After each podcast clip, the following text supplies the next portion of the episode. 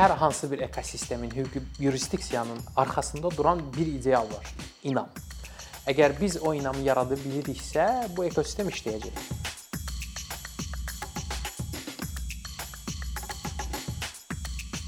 Son dövrlər biznes mühitdə yeni bir anlayış daxil olub, startap və təkcə biznes mühitdə yox, insanlar arasında da çox müzakirə olunur. Bu gün startap nədir və ənənəvi biznesdən fərqi nədir? Bu mövzuda danışacağıq. Qonağımız uzun müddətli startaplarla işləyən və onlara hüquqi konsultasiya göstərən hüquqşünas Anar Əlizamanlı. Anar, xoş gəlmisən. Xoş gördük. Anar, startap nədir və ənənəvi biznesdən fərqi nədir? Startap ümumiyyətlə birinci dəfə startap ideyası keçən əsrin ikinci yarısında 1970-ci illərdə ilk dəfə Amerikada Forbes və elektronik qəzetlər tərəfindən ortaya atılmışdı və texnoloji cəhətdən hər hansı bir problemin həll olunması üçün, cəmiyyətdə hər hansı bir problemin həll olunması üçün yaradılmış şirkətlərə startap adı verməyə başlamışdılar. Bu startapların digər şirkətlərdən, ənənəvi bizneslərdən əsas fərqi nədir deyə sorsanız, onu demək olar ki, startaplar bəzi e, xüsusi spesifik cəhətləri var. Birincisi e, ümumiyyətlə məlumatlara görə Forbes-un və digər araşdırmaların məlumatlarına görə startapların 90%-i 3 və 5 ildən sonra fəaliyyətini dayandırır. Yəni e, etdikləri ideya ilə uzun müddət yaşaya bilmirlər. Bu onların əsas və insanları qorxudan əsas məqamıdır deyə bilərik.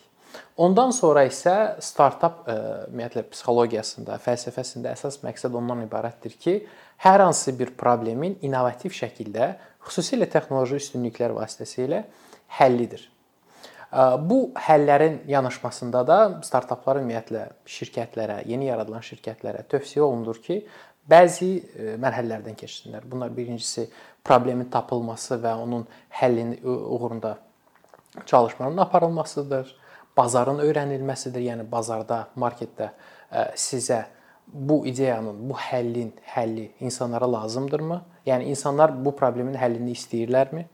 E, bu tapıldıqdan sonra siz müəyyənləşdirməlisiniz ki, həmin bazarın tələbi ilə sizin tapdığınız solution üst-üstə düşürmü?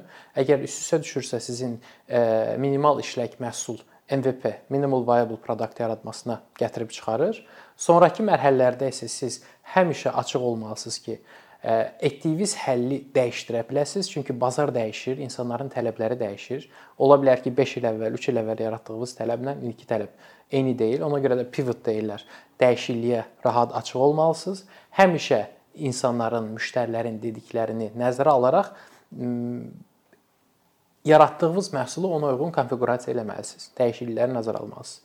Əgər bu mərhələlərdən keçərsə, necə deyirlər, hamının hamını qəbul elədiyi kimi startap sayıla bilərsiniz. Yenə deyirəm, belə samap belə hamısını bir yerə yığsaq, texnoloji cəhətdən innovativ bir ideyavız olmalıdır, qlobal səviyyəviz olmalıdır. Yəni bir bir cəmiyyətin, bir küçənin problemini yox, bir neçə küçənin problemini həll etməyə çalışmalısınız və bir neçə cəmiyyətin ki, siz gələcəkdə uzun müddətli yaşaya biləsiniz. Qanunvericilikdə startapların xüsusi bir statusu var, onları biznesdən ayıran. Formal olaraq azad olmalar, güzəştlərdən başqa, yəni bir startap yaradıcısı, təsisçisi olaraq vergidə qeydiyyatdan keçmək istəsəz Azərbaycanda sizə heç bir xüsusi bir startap təşkilatı hüquqi forması deməyəcəklər. Siz də digər ənənəvi bizneslər kimi MMC açacaqsınız, səhmdar cəmiyyəti və s. hansısa bir təşkilati hüquqi formalardan birini seçəcəksiniz, hansı ki sizin modelinizə uyğundur.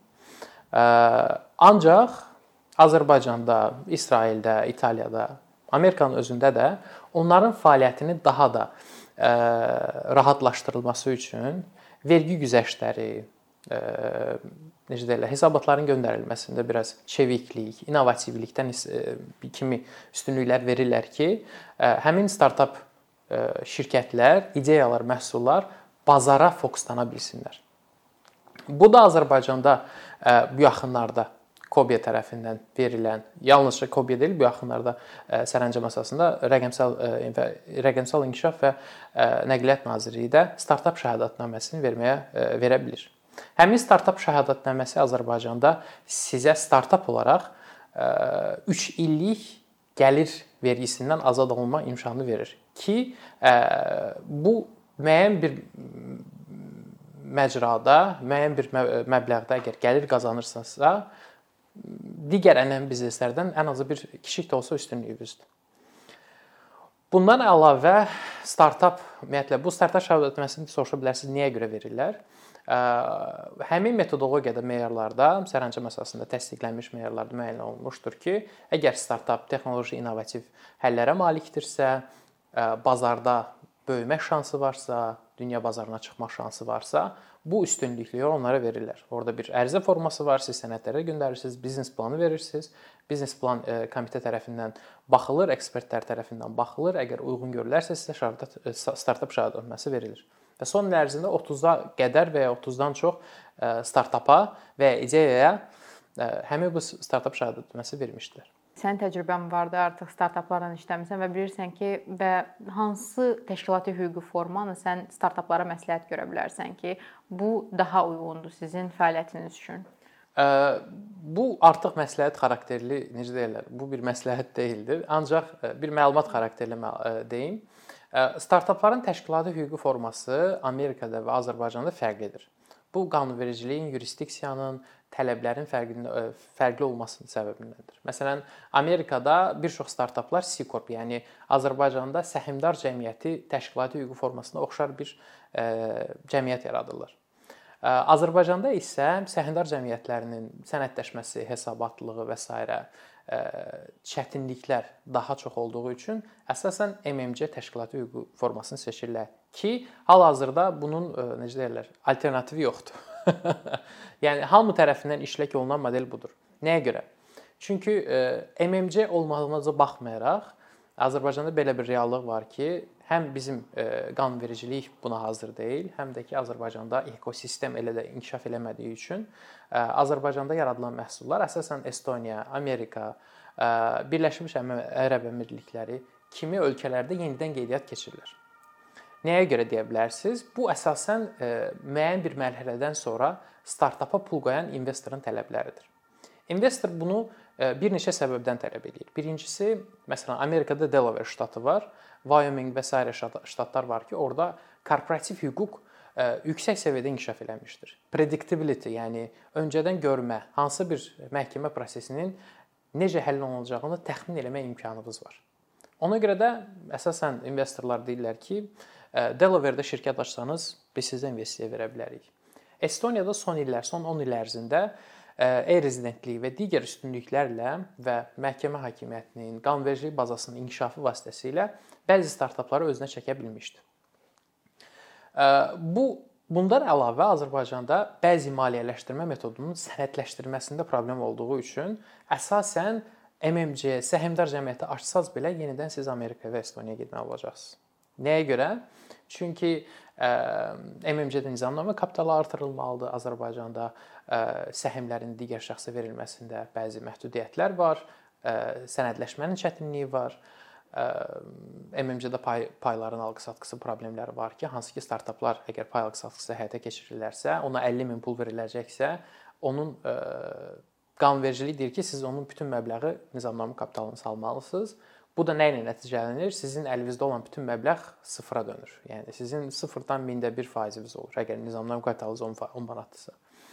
Yox, əgər deyirsiniz ki, mən 50 mini nizamnamə kapitalına qoymaq qoymaq istəyirəm, onda siz məcbursunuz ki, öz 95%-inizi əlinizdə saxlamaq üçün 50 min 5%dirsə, siz 95%-i ona uyğun olaraq nominal məbləğ çıxarılır. Ona əsasən siz nizamnamə kapitalına özünüz ödəniş eləməlisiniz. Bu da ki, startaplara uyğun deyil, çünki startapın özü pul axtarır. Əgər özündə 1 milyona yaxın pul olsaydı, onu ümumiyyətlə investordan istəməzdi.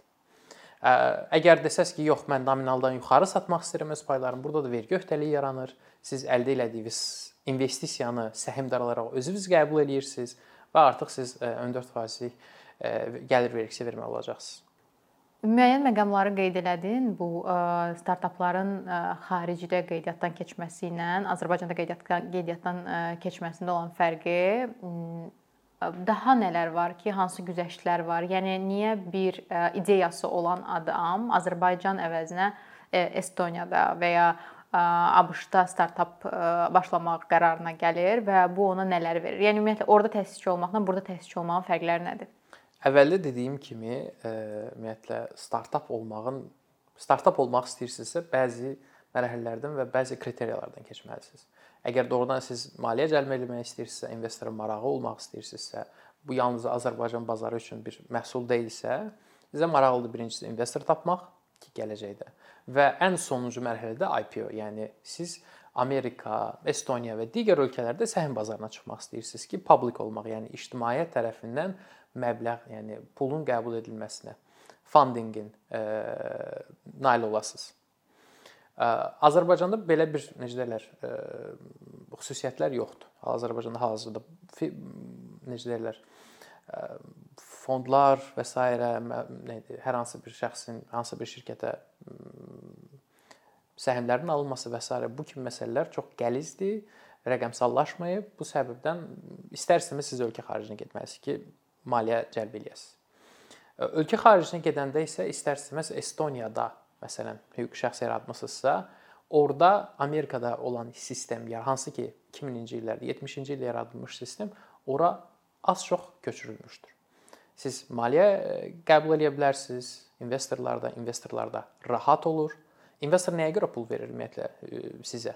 Sizin ideyanıza inanır, həmçinin də sizin yurisdiksiyanıza xüsusilə önəm yetirir ki, mənim verdiyim pulu gələcəkdə mən sizdən tələb eləyə bilərəmmi? Və ya mən bu pulu çölə atmıram ki. Bu məsələləri, bu sualları əsasən həmin investorun hüquq komandası müəyyənləşdirir ki, yox, əgər həmin şəxs Azərbaycandadırsa, bizim Azərbaycan barəsində heç bir məlumatımız yoxdur, predictable bazar deyil, yəni öncə öncədən görülən belə bazar deyil deyə biz Estoniya təklif eləyirik. Onu da bizim startap founderlara, təsisçilərə deyirlər ki, Estoniyada şirkət açın, sizə pul köçürülsün və ya Almaniyada və s. Bu üstünlüklərə görə sizə investorlar ə, e, tələb eləyir ki, bunu eləyin. Əslində Azərbaycanda da qala bilərsiniz əgər heç bir maliyyə axımını eləmirsinizsə. İkinci məsələ isə ödənişdir. Siz məhsul yaratmısınızsa, sizə ödəniş qəbul etməlisiniz.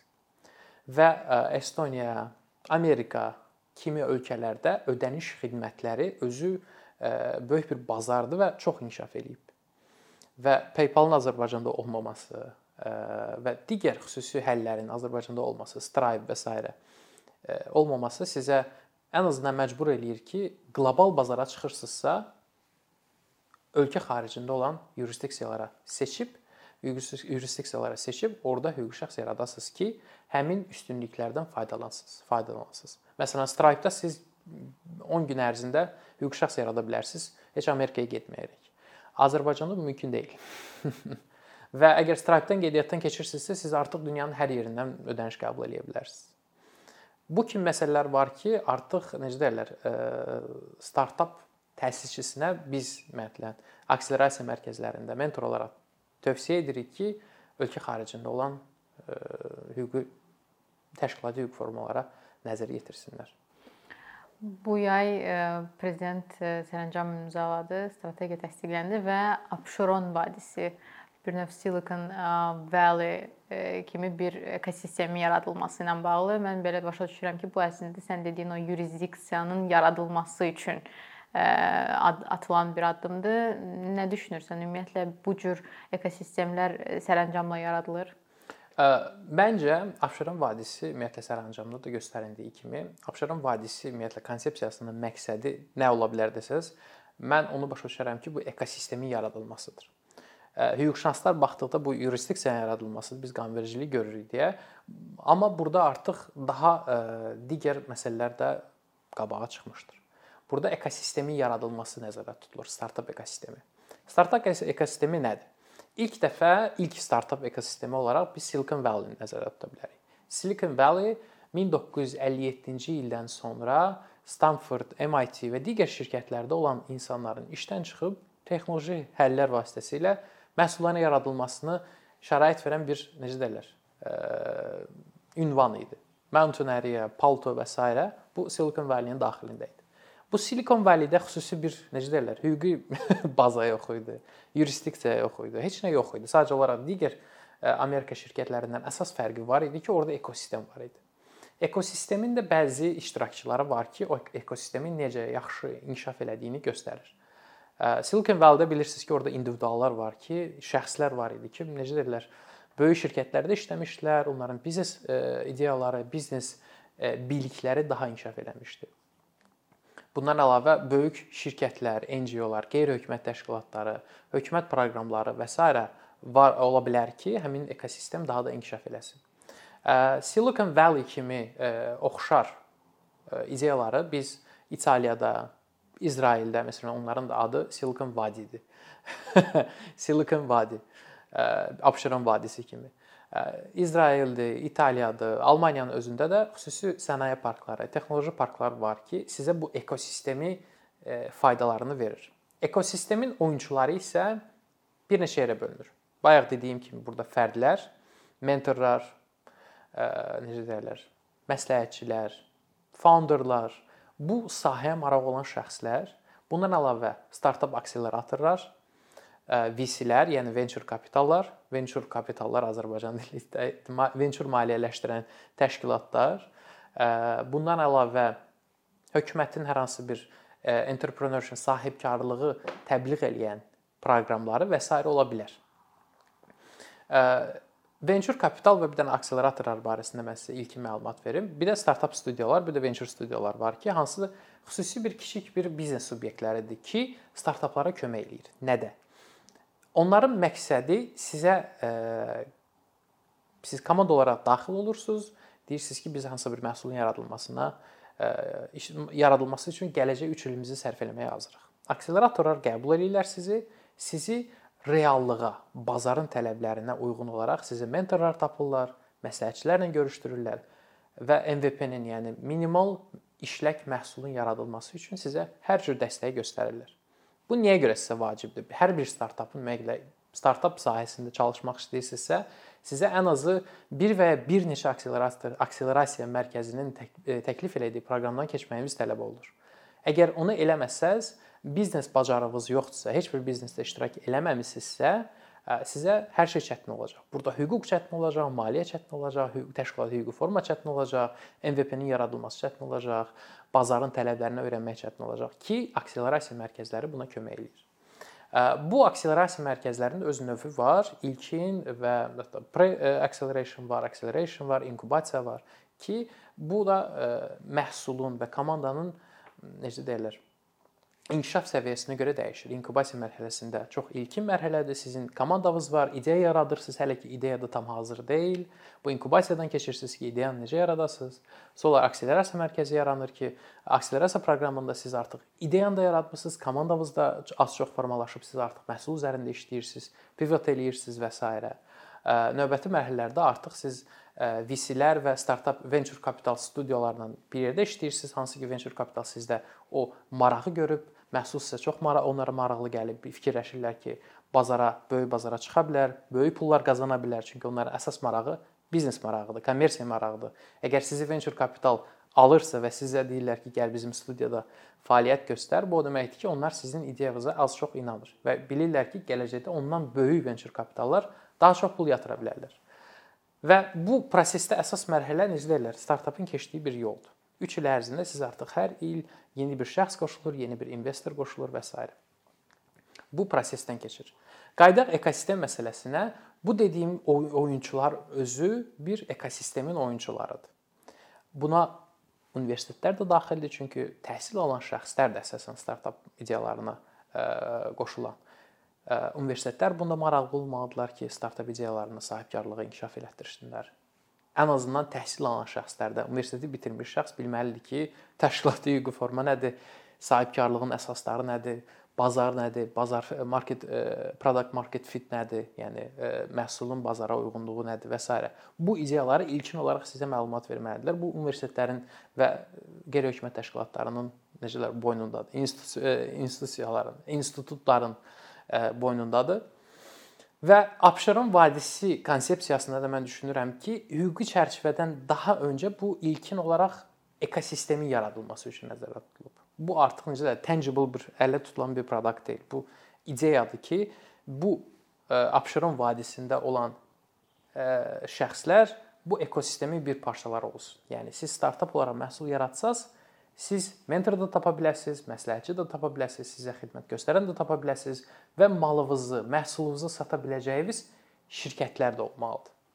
Böyük korporasiyalar da olmalıdır bu ekosistemin içində. Azərbaycanda bəzi böyük korporasiyalar var və indi də ki trendlərdən də görürük ki, onlara maraqlıdır. Nəyə görə maraqlıdır? Çünki korporasiyalar düşünürlər ki, əgər mən bunu sıfırdan yaratmaqdansa, yaxşı olar ki, hansı bir startapdan onu mən outsource, yəni kənardan almağım daha ucuz, daha tez başa gələcək. Əgər kritik biznesdəyiz. Yenə deyirəm, Abşeron vadisində ilkin mərhələ budur. İkinci mərhələ isə bayaq dediyim kimi hüquqi çərçivənin yaradılması. Bu venture maliyyələşdirmə, crowdfunding, crowdfunding barəsində mən deyərəm. Crowdfunding, akselerasiya mərkəzlərinin hüquqi statusu, universitetlərin ümumiyyətlə bu məsələdə marağının artırılması, maliyyə xaricdə maliyyə cəlb edilməsinin metodlarının inkişaf etdirilməsi, hüquqi çərçivənin yaradılması, investorlara xüsusilə o inamın, trust ümumilikdə hər hansı bir ekosistemin, hüquqi yurisdiksiyanın arxasında duran bir ideal var. İnam. Əgər biz o inamı yarada biliriksə, bu ekosistem işləyəcək.